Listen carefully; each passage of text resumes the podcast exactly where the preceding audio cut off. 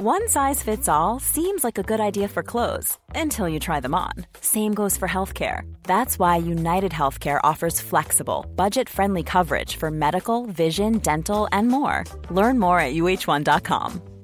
Life is full of awesome what ifs, and some not so much, like unexpected medical costs. That's why United Healthcare provides Health Protector Guard fixed indemnity insurance plans to supplement your primary plan and help manage out of pocket costs. Learn more at uh1.com. There's never been a faster or easier way to start your weight loss journey than with PlushCare. PlushCare accepts most insurance plans and gives you online access to board-certified physicians who can prescribe FDA-approved weight loss medications like Wigovi and Zepbound for those who qualify. Take charge of your health and speak with a board-certified physician about a weight loss plan that's right for you. Get started today at plushcare.com slash weight loss. That's plushcare.com slash weight loss. plushcare.com slash weight loss. Gjenklang.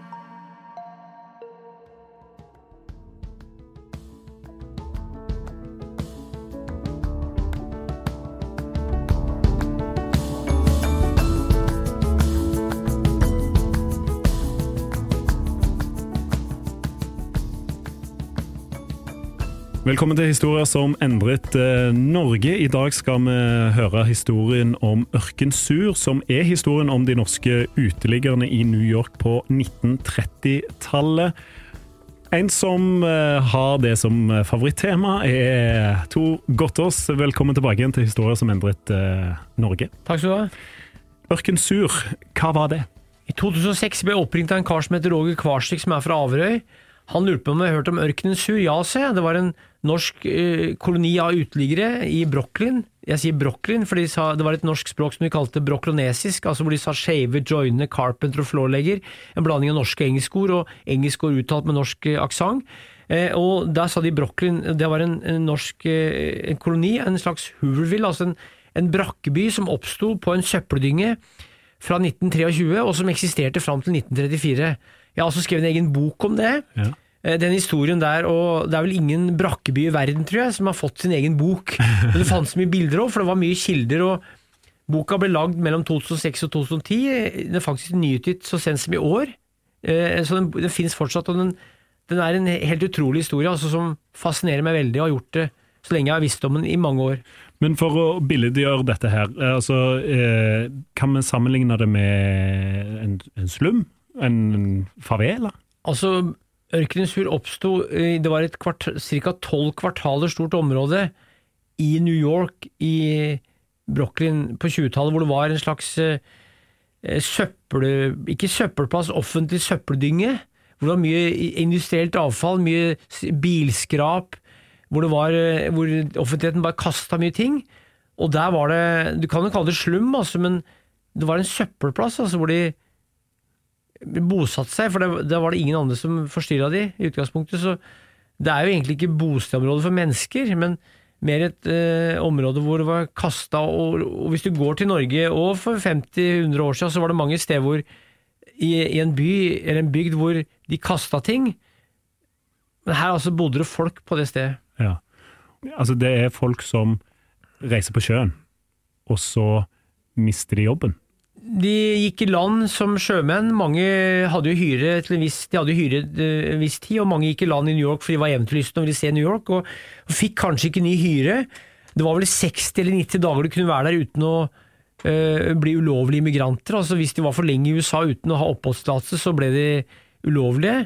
Eh, og da var det mange som fikk hyre før den tida hadde gått, men hvis de ikke fikk hyre, så ble det kanskje ulovlig. Mm. Ikke flyktning, men altså du oppholdt deg ulovlig i landet, og da var det mange som søkte tilflukt i ørkenen, for da var det ikke så stor sjanse for å bli tatt av purken eller for å bli kasta ut og sendt ut av landet, for mange ble jo sendt ut av USA.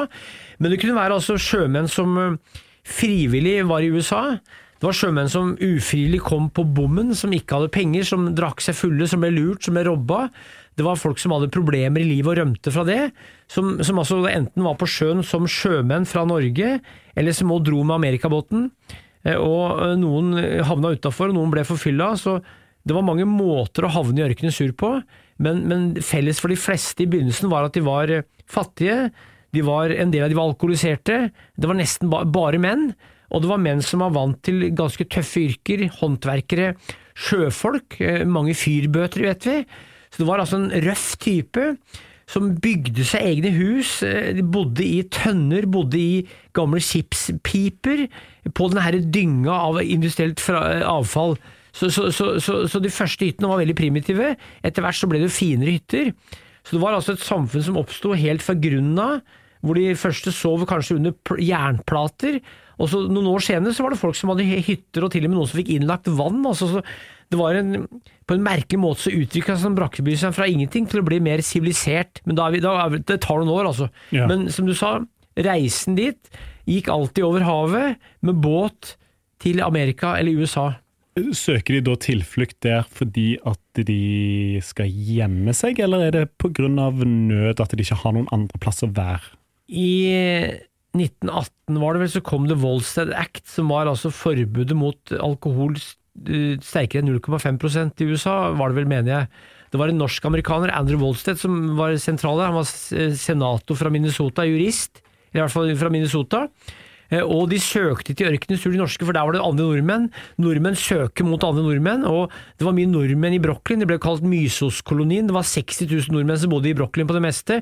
Åtten eh, Avenue ble kalt Lapskaus boulevard. Det var norske begravelsesbyråer, norske kirker, norske butikker, masse norsk, og du trengte ikke engang å snakke engelsk for å få jobb der. Masse norske aviser? Masse norske aviser. Nordisk Tidende og Norgesposten var de største, Ja. men i USA var det mange andre òg. Så det var et norsk miljø, og da søkte de mot der, og da det oppsto en brakkeby på den dynga, eh, så, så var det naturlig at alle nordmenn dro dit, og de holdt sammen, sjøfolk holdt sammen. Så det var naturlig at de trakk mot nordmenn. eh, Og vi vet òg at eh, på, i Ørkenens hus var det mange som hadde det som het moonshine. Altså smokelot, eh, brennevin, ulovlig hjemmebrent, ble kalt smått smoke. Og når du brant hjemmebrent og, lagde det, så, så røk, røkte, eh, kom det røyk. Det kom alltid røyk fra Ørkenens Hur, for der var det mange som drev og brant ulovlig hjemmebrenning. Altså brant i- hjemmebrent, da. Eh, Det kom altså røyk derfra. Der er navnet smokelotten. Lott betyr jo tomt, og smoke betyr brennevin. Så de søkte mot der for å få brennevin, og for å for å rett og slett komme seg ut um, av litt av byen og ikke så stor sjanse for å bli stoppa f.eks. av politiet. For det var mye politi i New York som kunne stoppe uteliggere. Det var et tilfluktssted sammen med andre nordmenn hvor du kunne finne kameratskap og mat og drikke. Men kom du deg ut av det? Du, altså, hadde, de et, hadde de et valg, eller var det, det, det var en livssituasjon som gjorde at de måtte være der, ikke bare fordi at de eh, liksom Det var nok en livssituasjon, og mange som hadde problemer med alkohol, de hadde kanskje ikke De hadde et valg, men de klarte ikke å komme seg ut av den fordrukne situasjonen de var i. Men det var jo norsk slummisjon i Brooklyn, noe som het Betesta. Som hadde et, eh, et hus der hvor det var en norsk slummisjon, hvor de drev misjon i slummen blant nordmenn som var uteliggere. Og der kunne ligge 175 mann på flatseng på kvelden. Var, da måtte de høre på en andakt for å få mat. Da satt de og slumra, og så kom det maten, og så våkna de, og så spiste de mat. Og der kunne ligge 175 mann på, på, på flatseng. Og, og noen av de pendla mellom Betesta og Ørkenens Hus, fordi Betesta fikk de mat og endra mer norsk selskap og mer tak over huet. I tillegg så var det norske sjømannskirka, eller kjerka, som lå i Red Hook. Den hadde altså da på det meste på 20-tallet 300 000 besøk i året. altså Da snakker vi 800 besøk hvert eneste døgn. Der var det tante Klara fra Fana som var Hun spilte kyrong, hun, hun lagde jo vafler, hun stelte for gutta, og det ble kalt kjerka, eller sjømannskirka ble kalt kjerka.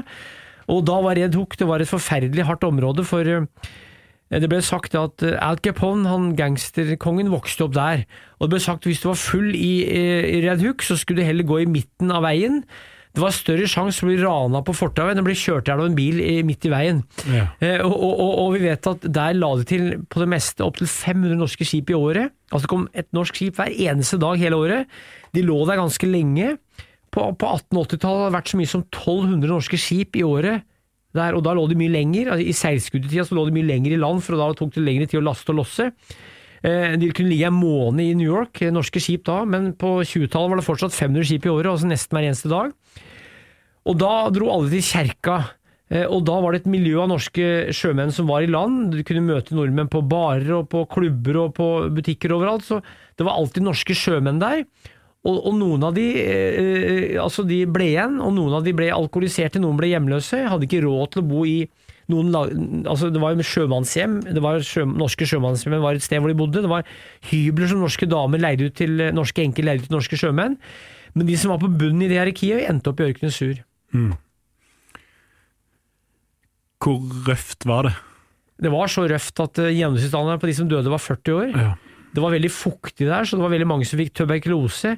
Mange norske gutter vet vi fikk tuberkulose, ville ikke legge seg inn på sjukehus, for da ble de registrert, og da ble de sendt hjem, eller, eller kanskje satt i fengsel. Og det var noe som het Norske Hospital, som var et norsk sjukehus.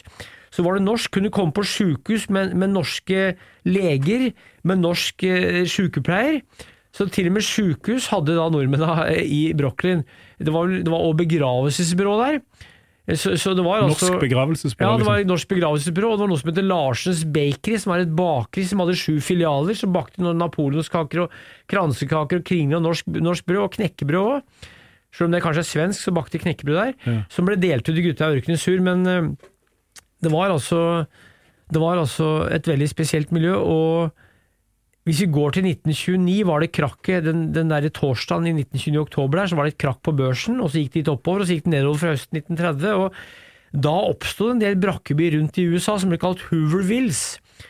Herbert Hoover var republikaner og president, i, i, og han ville ikke ha noe, republikanerne ville ikke ha noe veldedighet. De skulle ha matkøer, brødkøer, men ikke noe penger til de fattige. Folk fikk klare seg sjøl.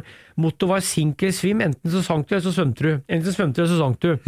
Det ble sagt at de norske gutta sto under, under skyskraperen og så på, og hvis det var en som datt ned og slo seg, så var det én ledig stilling. Eh, Men, men, men, men uansett så var det altså et, et, ikke noe, det var ikke noe system for å ta vare på folk, og brødkøer var bare for menn.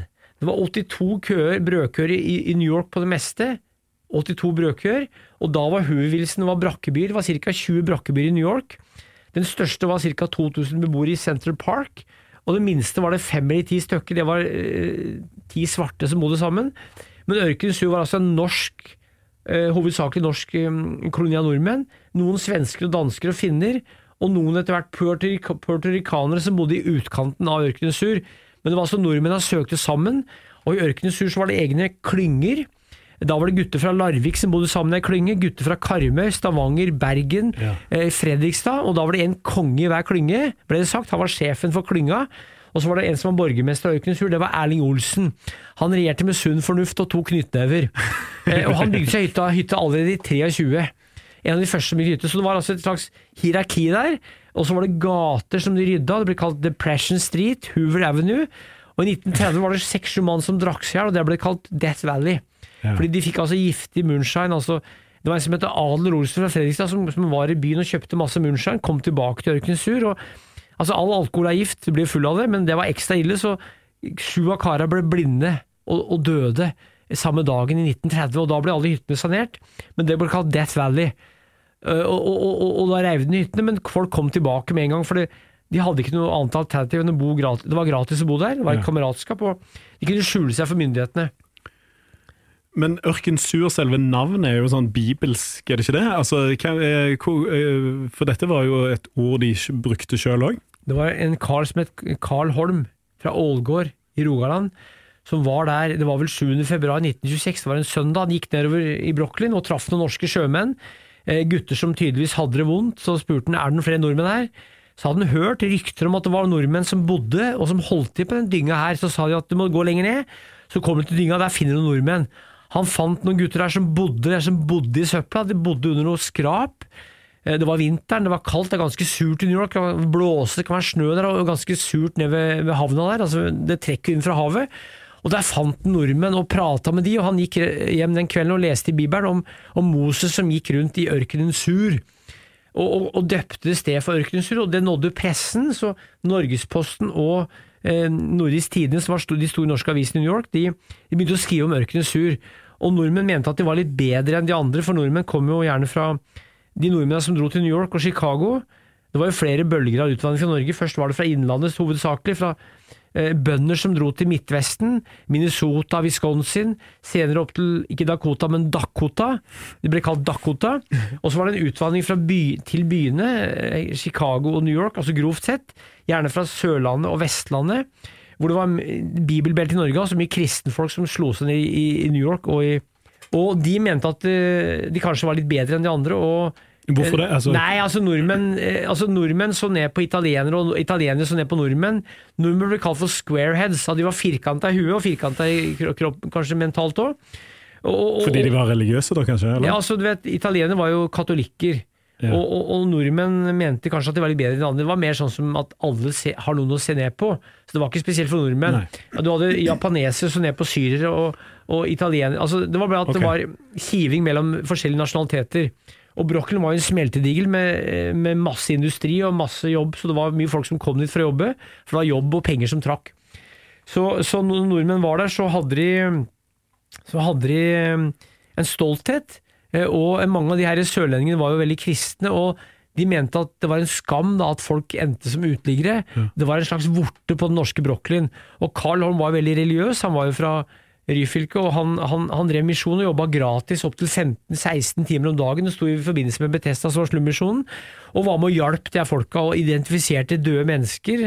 Vi var jo i kontakt med barnebarna til Carl Holm da vi var der i 2008 og 2010, eller 2008, ja. Og det var jo folk som da var i 80-åra, som har tatt bilder tatt vare på bildet han tok. for Når en nordmann døde i Brooklyn, så var det Carl Holm sin oppgave å identifisere han. Mange tok livet sitt, ble, noen ble drept av nordmenn òg, og da var det han som identifiserte. Han skrev dagbok òg, da han var i Øykenes hus. Han, skrev, han var der hver, hver eneste uke i over ti år. Carl Holm skrev dagbok om hvert eneste besøk, og det har jeg fått tilgang på, og alle bildene han tok. Så da boka kom, så var det basert på kilder som han hadde samla på 20- og 30-tallet, som barnebarn hadde tatt vare på og gitt videre til oss. Og de mente vi var sendt av Gud, som hadde, eh, som, som hadde en oppdrag med å skrive den historien for å få fram den spesielle historien. Og det ble filma der òg, så det ble vist film på norske kinoer i 30-åra.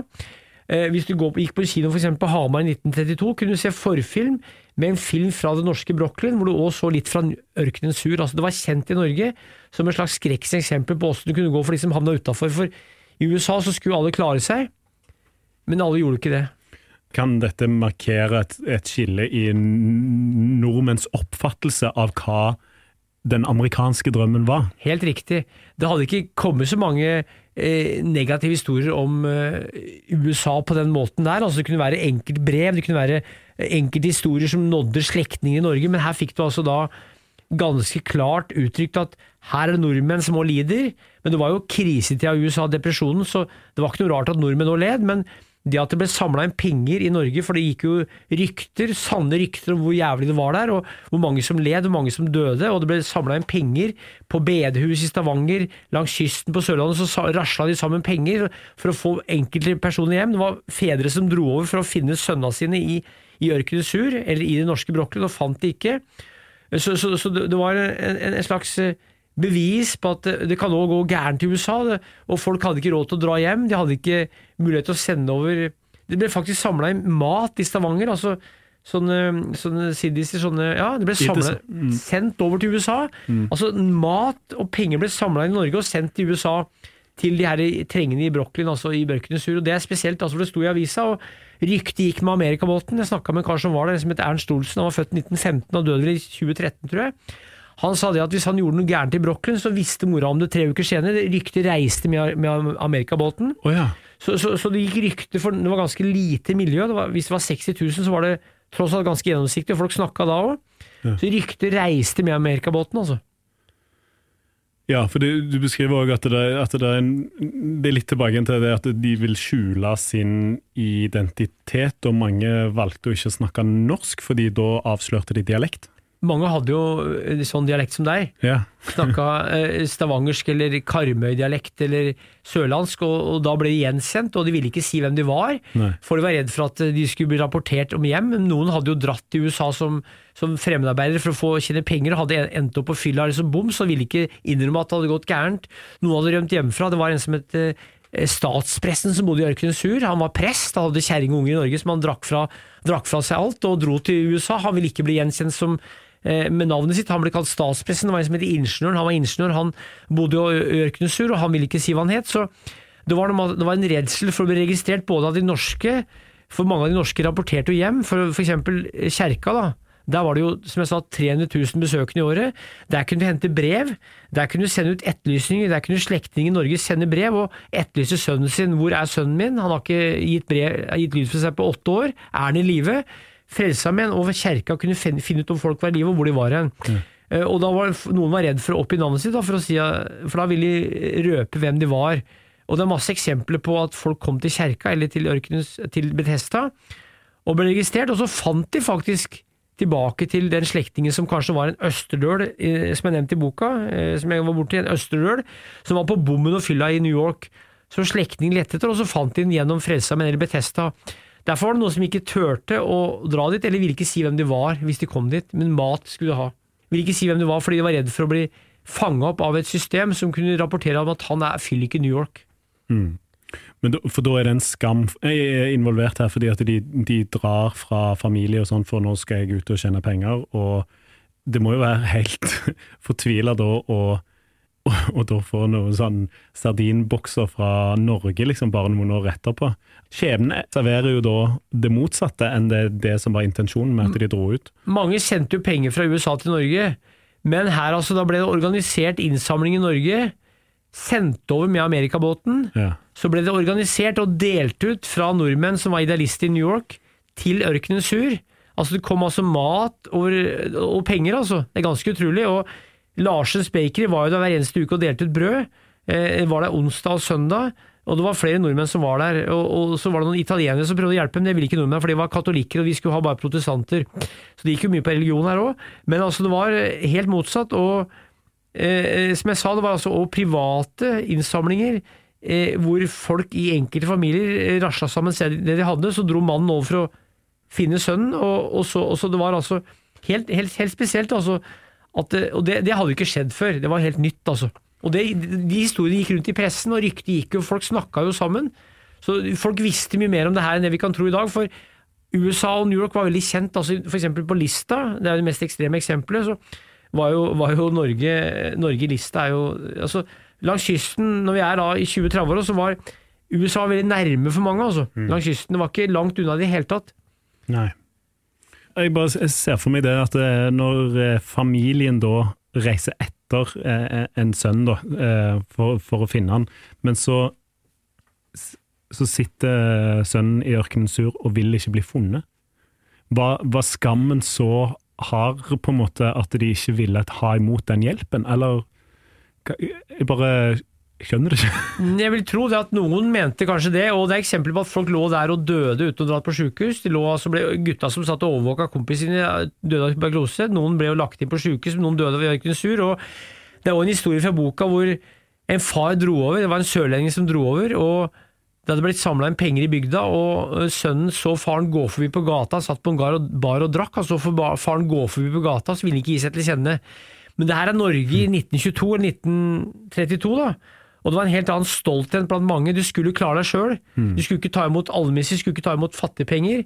Det var helt sikkert folk som gjorde det, som tok imot uh, almisser, og som tok imot de penga for å bli sendt hjem, men, men, det var mye mer skam altså, om mye i Norge. Det var ikke så lett å bli tilgitt tror jeg, for ting du hadde gjort. Og hvis du f.eks. var et problembarn som dro til sjøs, eller var en type som, som, som skulle slå deg opp i USA, og, og, alt gikk til helvete, så er det ikke sikkert det var like lett å innrømme det som vi skulle tro i dag. I dag lever vi i en verden hvor ting jeg tror folk lettere tilgir sånt. altså I dag var det kanskje en tøffere verden på mange måter. Vi var et fattig land. Mm. Og når det er et fattig land, så, så er, er, det, var, det, var, tøffe forhold. altså Vi vet at Arbeidstida for sjøfolk var 84 timer i uka. Det er 12 timer om dagen. Mm. Tenk deg 84 timer i uka. og Jeg snakka med sjøfolk før krigen, jobba alltid mer enn det. Aldri 12 timer om dagen, jobba jeg mer. Ja. 14 timer om dagen. Å jobbe så mye, eh, døgnet rundt, eh, året rundt, ofte i perioder.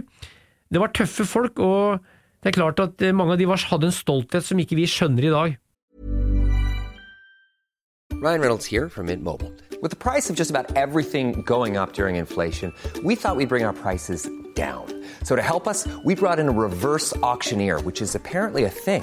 Mint Mobile unlimited premium wireless. Ready to get 30, 30, bit to get 30, bit to get 20, 20, 20, bit to get 20, 20, bit to get 15, 15, 15, 15 just 15 bucks a month. So, Give it a try at mintmobile.com/switch. slash $45 up front for 3 months plus taxes and fees. Promo for new customers for limited time. Unlimited more than 40 gigabytes per month slows. Full terms at mintmobile.com. Quality sleep is essential. That's why the Sleep Number Smart Bed is designed for your ever-evolving sleep needs. Need a bed that's firmer or softer on either side? Helps you sleep at a comfortable temperature? Sleep Number Smart Beds let you individualize your comfort so you sleep better together. JD Power ranks Sleep Number number 1 in customer satisfaction with mattresses purchased in-store. And now, save 50% on the Sleep Number limited edition Smart Bed for a limited time. For JD Power 2023 award information, visit jdpower.com/awards. Only at a Sleep Number store or sleepnumber.com.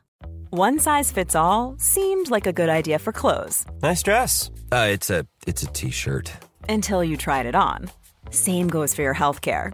That's why United Healthcare offers a variety of flexible, budget friendly coverage for medical, vision, dental, and more. So, whether you're between jobs, coming off a parent's plan, or even missed open enrollment, you can find the plan that fits you best. Find out more about United Healthcare coverage at uh1.com. That's uh1.com. Ja, jeg, jeg, jeg sliter med å for- forstå det, at du vil heller ligge i ørkenen sur og dø enn å få hjelp på et sykehus. Ja, og så til og med på norsk sykehus, men Ja. vi vet jo det at jeg snakka med Ernst Olsen som var der i 1930-åra, han var jo i ørkenen sur etter at den ble lagt ned. Og han var, han var fyrbøter, og han sa det at han eh, vurderte å ta livet sitt. For han hadde ikke, hadde ikke noe sted å bo, han eh, hadde ikke råd til å dra hjem, hadde ikke hyre, for det var krise i skipsnæringa, og, og, og rederia ville ikke betale hjemreisen. Han vurderte å ta livet sitt, for at han hadde ikke, hadde ikke råd til å klare seg. Så han skulle hoppe foran en bil. Han gikk rundt i Brooklyn en kveld, sa han, og var helt fortvila og skulle hoppe for en bil, men hvis du hopper for en bil, så skal du hoppe for en dyr bil, for hvis du overlever, skal du saksøke eieren. Det var, det var, det var omkvedet på kødd. Han, var, eh, han så norsk ut, han traff i hvert fall et ektepar der. Han gikk rundt med skipssekk i Brooklyn, han fortærte helt nøye en kveld der, og traff et ektepar som så at det her var en nordmann. Norsk gutt. Vi kunne si at det var en norsk gutt. Og han fikk eh, en overnattingsbillett og matbillett på noe som heter Norway House. Og så fikk han ordna seg, fikk leid et rom hos en norsk enke. Og så fikk han etter hvert en billett hjem til Norge som han betalte på avbetaling. Mm. Så han hadde ikke penger å betale med da, men han fikk betalt på avbetaling, for det å låne penger var vanskelig for mange. Så Ja. det var mye som er mye vanskeligere da enn vi kan tenke oss i dag, hvor du kan bare sende en melding eller bare si 'pappa betaler' eller 'ambassaden betaler'. Verden var i krise, det var eh, massiv fattigdom i New York. Det var mye verre enn vi kan tenke oss. Det ble sagt at folk besvimte av sult på gata. Det kunne bo 15 stykker sammen i en leilighet som kanskje tok to. Det var situasjonen, og da er det ikke så lett å komme seg hjem over Blåmyra, som de kalte havet. Det var jo ble kalt Blåmyra, vet du. Atlanterhavet ble kalt Blåmyra. For det gikk jo båt hver eneste uke. Bergensfro og Stavanger gikk jo hver eneste uke, så det var tett forbindelse mellom Norge og Amerika. USA, for de sa ofte Amerika eller Amerika, eh, ikke USA. Eh, så, det er vanskelig for oss å forstå i dag, i 2023, at, eh, at nordmenn kanskje ikke vil ta imot hjelp, men eh, det var òg en kar som var i ørkenens sur, for det gikk jo rykter om et julemåltid der. For Amerikabåten ga jo alltid mat til nordmennene. Ga rester, ga overflødig mat til nordmennene. Og det var en jul på 30-tallet hvor de ga masse kaker til gutta i ørkenen sur. Mm. eh, Napoleonskaker, kransekake, eh, norske julekaker, eh, sånne struller eller krumkaker ble det sagt. Og da, da kom det gående folk fra langt omkring. Blant annet fra New Jersey kom det gående folk som, som hørte om at det var gratis mat i ørkenen sur, og folk forspiste seg, og fikk vondt i magen. Eh, Det var en kar som eh, hadde en far som var der og fikk det måltidet, og det hadde faren fortalt på slutten av livet. Sønnen visste ikke at den var i Ørkensrud, men han hadde vært i Ørkensrud, og det var jo skam å være der. Ja. Han hadde vært i Ørkensrud og fått et eh, stort måltid. Jeg hadde gått, jeg lurer på om han gått fra New Jersey inn til Ørkensrud for for å spise mat. Altså, det var mat var det viktigste i verden. Og, da, og for spisen seg og fikk vondt i magen, og fikk enda vondere i magen enn før den var mens den var sulten. Altså. Så det, det er en situasjon som er vanskelig å forestille seg i dag. At det var en eh, skamplett på det norske Brooklyn, da, det ser jeg jo for meg, men det må jo ha vært en skamplett òg for den unge nasjonen Norge. Det var det, og, men samtidig forsto vi det, for at det var så krise i USA, det var krise i Norge, og når du så den, Det kom nyheter fra USA om hvor, hvor ille det var, hvor stor arbeidsløsheten var i USA. altså Det hadde gått oppover i USA, med, med, med skyskrapere og med jazz på 20-tallet og masse morsomt. Alt gikk oppover, og så kom krakket, og så kom depresjonen på 30-tallet. Og den ramma jo hele den vestlige verden, og USA var jo lokomotivet med å dra de andre med seg. så Folk hadde nok eh, forståelse for det òg, og vi ser at i ørkenen så kom det jo besøk hver eneste helg. Det var nordmenn som kom dit for å se på og for å, og for å, og for å trøste gutta. Så det var, en veldig, det var et veldig samhold. Så sjøl om det var en vorte på den norske Brooklyn, så, så tror jeg ikke folk var så fordømmende allikevel. For alkoholisme var jo en ble sett på som en moralsk degenerering. Altså, du, hvis du var alkis, så var du ikke sjuk sånn som vi tenker oss i dag. Du var mer at du var, eh, hadde svak vilje. Men det var heller ikke alle som bodde i ørkenhus som drakk. For i, begynnelsen var det mye fylliker, eh, men etter hvert kom det vanlige snekkere, vanlige folk som var arbeidsledige fra Karmøy og fra, fra Stavanger og Bergen og Larvik, og de bodde der fordi de ikke hadde noe bedre alternativ, og det var gratis, og de fant seg materialer og bygde ordentlige hytter.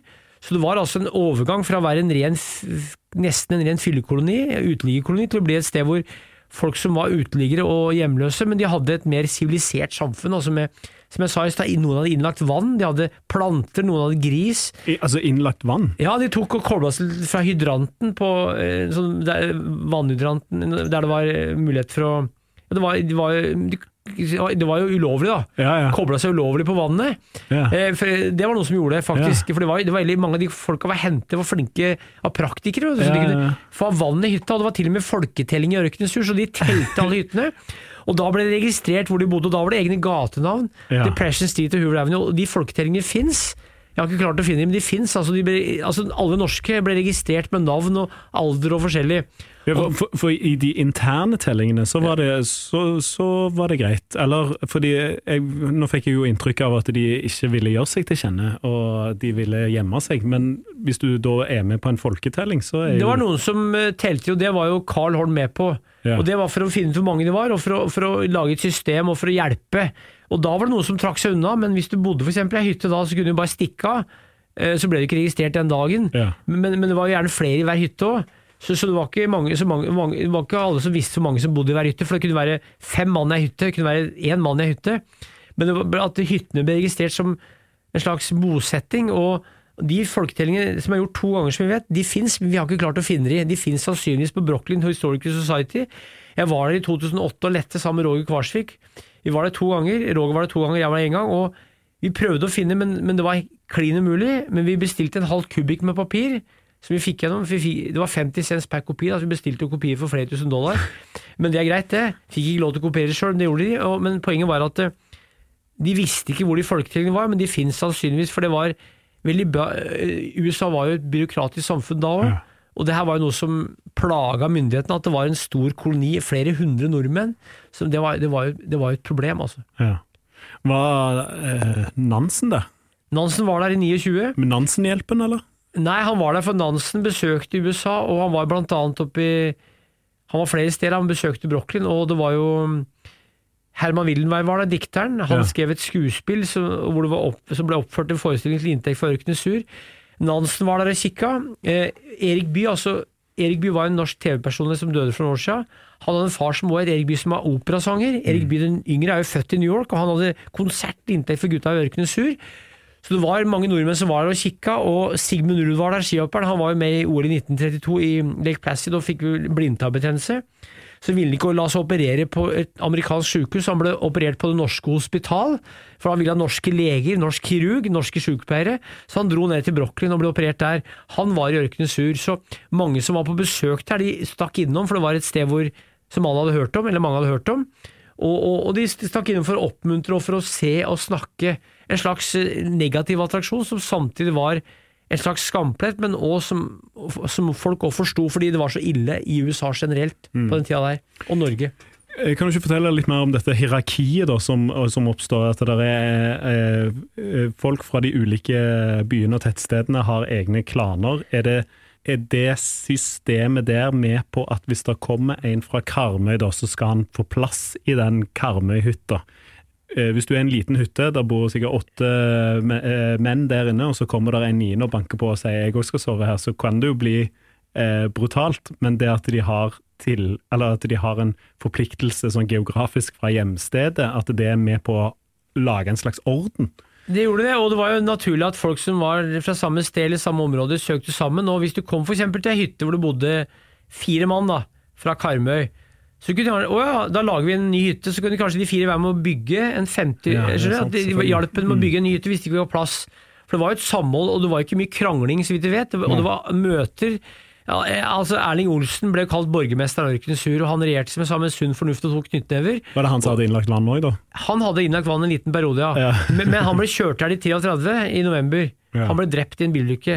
Eh, og han, han bosatte seg allerede ca. 23, og fordi han var tidlig beboer, han var den som bygde ordentlig hytte først, og da hadde han en slags status. Han, han var ikke forfylla, han bygde ordentlig hytte. Han, han ble borgermester av Ørkensur. Det var en annen kar der som het eh, Greven, han tror jeg kom fra Stavanger.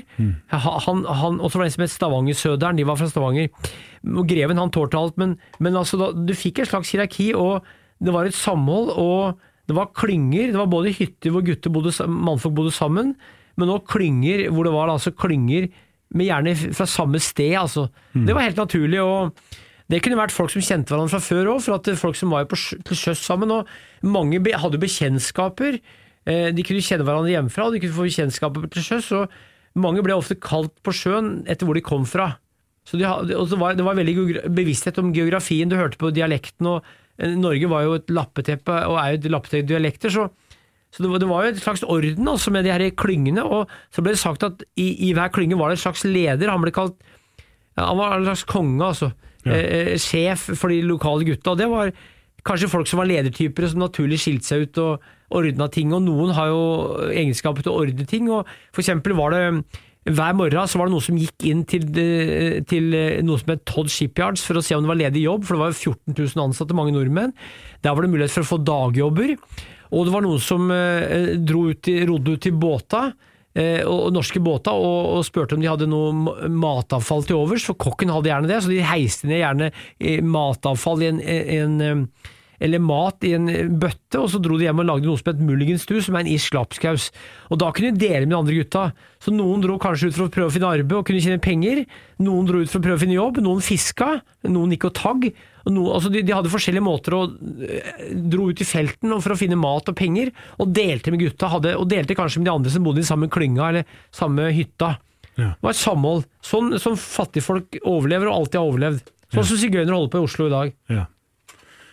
Var det andre sånne eh, eh, brakkebyer for, eh, for andre nasjonaliteter, eller var dette helt unikt òg i, i New York? Det var 20, ca. 20 brakkebyer på det meste. Altså Hoovervilles var en brakkeby. Det var ca. 20 brakkebyer i depresjonen i New York. Eh, og jeg tror nok det at, at det var så mange fra en, et land var nok ganske spesielt. For at Norge var jo fjerde, verdens fjerde største sjøfartsstasjon. Du hadde USA og England, og Italia var foran i antall sjøfolk. De hadde flere sjøfolk i Norge, men Norge var jo et lite land eh, med få folk, så relativt sett var Norge verdens desidert største sjøfartsstasjon da. Det var ikke i nærheten engang på noe annet, for vi hadde altså da to millioner innbyggere litt over det. Og, så, så det at det var så mange sjøfolk der, det gjorde at det ble en konsentrasjon av nordmenn som bodde sammen. Så det var jo altså da en brakkeby som var mest der var det mest svarte, den var ganske liten, det var bare ti stykker. Men, men det var brakkebyer som var andre, hvor det var mer andre grunner til at folk bodde sammen. Så jeg tror Ørkensund var unik på den måten der. For det var ikke så mange sjøfolk fra andre land som kunne samle seg. Og det var et miljø vet du, blant norske sjøfolk der uansett. Eh, Det var noe som het beachkammer. Det var sjøfolk som var i land, som ofte lurte nyankomne sjøfolk til å dra på en bar, drikke seg full, kanskje bli robba. Så det var et, i, I havna var det et konstant et miljø av nordmenn som var I havnekvarteret var det, kunne være hundrevis, kanskje tusenvis av norske sjøfolk, uteseilere som var der som mønstra på ute. Så det var et miljø der fra før, og noen av de ble da altså da eh, boende i Ørkenesur, fordi der var det gratis å bo, der var det et miljø, og der fant de det mest praktiske å bo. Så det fantes et norsk miljø der, men det var spredd på mange sjømannshybelhus og hybler, mens Ørkenesur var det konsentrert på en søppeldynge, altså det er spesielt. Ja, ja. Når, øh, når eh, fikk eh, amerikanske myndigheter nok? Av Ørkenesur? Ja, fikk de, altså, det finnes jo ikke i dag. Nei, altså, i 1932 om høsten så var det jo valg. Og da var det en som heter Franklin Delano Roosevelt, som satt i rullestol og hadde hatt polo, polio. Han ble valgt da han var demokrat. Han overtok fra mars 1933, og han var demokrat. Han hadde eh, greie på noe som het, en som heter Keynes, John Maynard Keynes, en engelsk økonom. Han hadde teorier om at hvis det var krise, skulle, du sprøyte, skulle staten sprøyte pengene inn i økonomien. Det Ja. samme skjedde i Norge, med nødsarbeid og forskjellige tiltak som staten gjorde. Det samme skjedde i USA da demokratene overtok, så var det ikke republikanerne som styrte mer, og da ville demokratene hjelpe. De, de, de bestemte seg for å sprøyte inn penger, skulle registrere eh, de som bodde i brakkebyene, og, og, og, og sanere alle brakkebyene, og begynte med det i 33. Og i løpet av ett år, fra august 33 til august 34, så var alle hyttene i New York, eller Ørk- Sur, de var revet ned. De var revet ned i 1930 òg, men da oppsto de på nytt. I 1934 i august var det ett år siden Ørkenens Sur ble eh, påbegynt sanert. Eh, fortsatt var det en liten kjerne av nordmenn som bodde utafor Ørkenens Sur, som nekta å la seg registrere. For de som flytta derfra, de fikk, kun fikk tilbud om gratis leil leiligheter, billig eller gratis. For det sto mange tomme bygårder, for folk hadde ikke råd til å betale leie. Eh, Så de hadde, en del av de som bodde der, fikk altså hybel eller leilighet i nærheten. Noen kom, dro til sjøs, noen fikk jobb, og noen kom ut av eh, det her uten eh, noe særlig skader, andre enn at de hadde bodd ute noen år og og ble håndverkere. Men det var altså en kjerne ett år senere som nekta å la seg registrere, som nekta å motta trygd. Og det var blant annet de her gutta som hadde rømt hjemmefra, som hadde dratt fra Norge, som var ekstra skamfulle, som hadde kanskje kjerringunger i Ja. Norge som ikke visste om.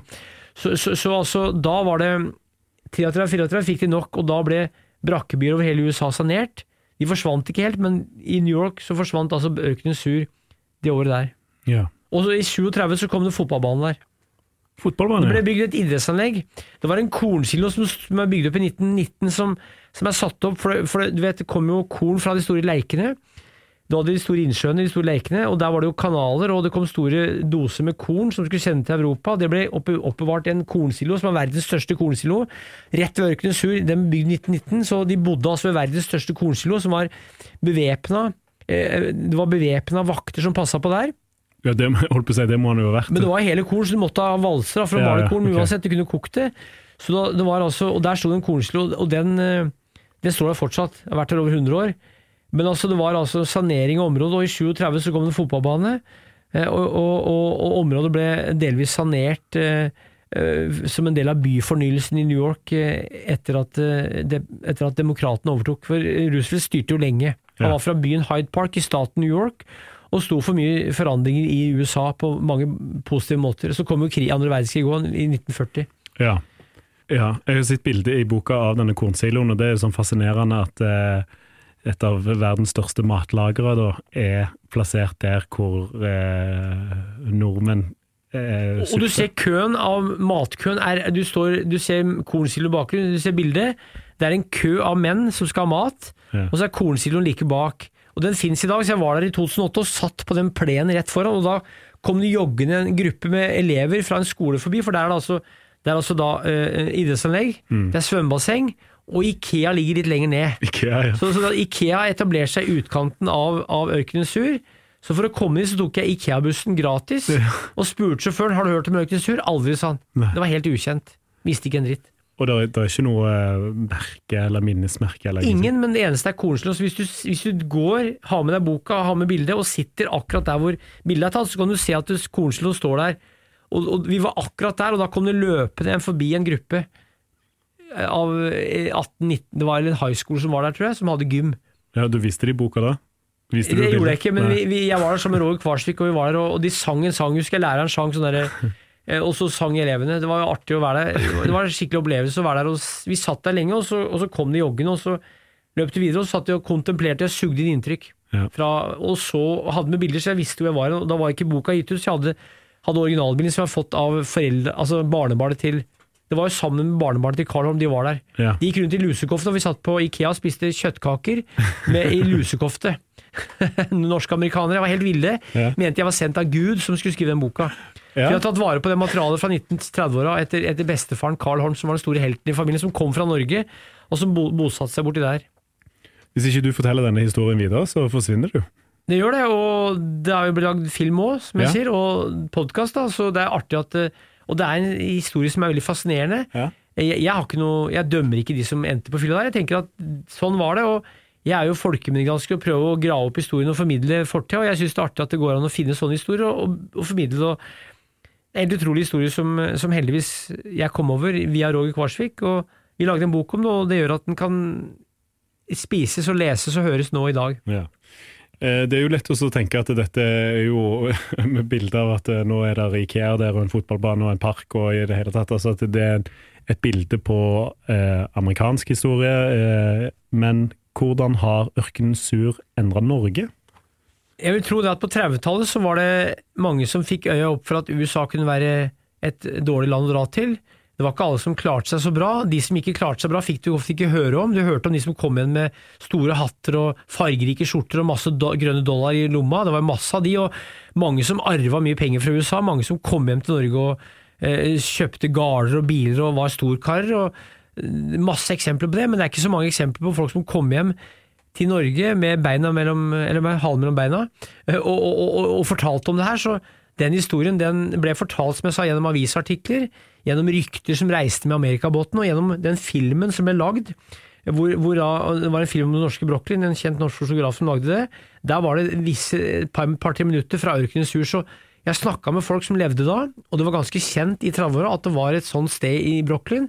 Det var òg en Hoorville i Seattle, Seattle, hvor halvparten som det står bilde av i boka, hvor halvparten var nordmenn, cirka. Mm. Men der var det mer tømmerhoggere og skogsarbeidere som ikke var ikke var så forfylla, tror jeg. Det var ikke den samme typen folk, det var litt annen type folk, og det var ikke så mange som var nordmenn heller, men det var noen hundre der òg. Men det med Ørkensrud var, så, det var så ille, og det var så tydelig presentert i norsk presse og eh, sagt f.eks. av Herman Wildenvey og Ann Nansen at det, det, gjorde inntrykk på folk, altså. Mm.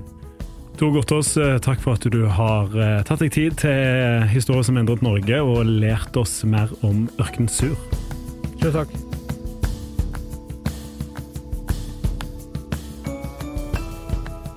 Følg historier som endret Norge på Instagram. Der legger vi ut bilder og videoer som er relatert til episodene.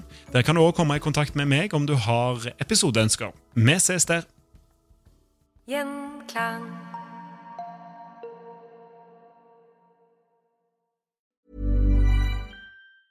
Planning for your next trip? Elevate your travel style with Quince. Quince has all the jet setting essentials you'll want for your next getaway, like European linen premium luggage options, buttery soft Italian leather bags, and so much more. And is all priced at 50 to 80% less than similar brands. Plus, Quince only works with factories that use safe and ethical manufacturing practices. Pack your bags with high-quality essentials you'll be wearing for vacations to come with Quince. Go to quince.com/pack for free shipping and 365-day returns. Mom deserves the best, and there's no better place to shop for Mother's Day than Whole Foods Market. They're your destination for unbeatable savings, from premium gifts to show-stopping flowers and irresistible desserts. Start by saving 33% with Prime on all body care and candles. Then get a 15-stem bunch of tulips for just $9.99 each with Prime. Round out Mom's menu with festive rosé, irresistible berry chantilly cake, and more special treats. Come celebrate Mother's Day at Whole Foods Market.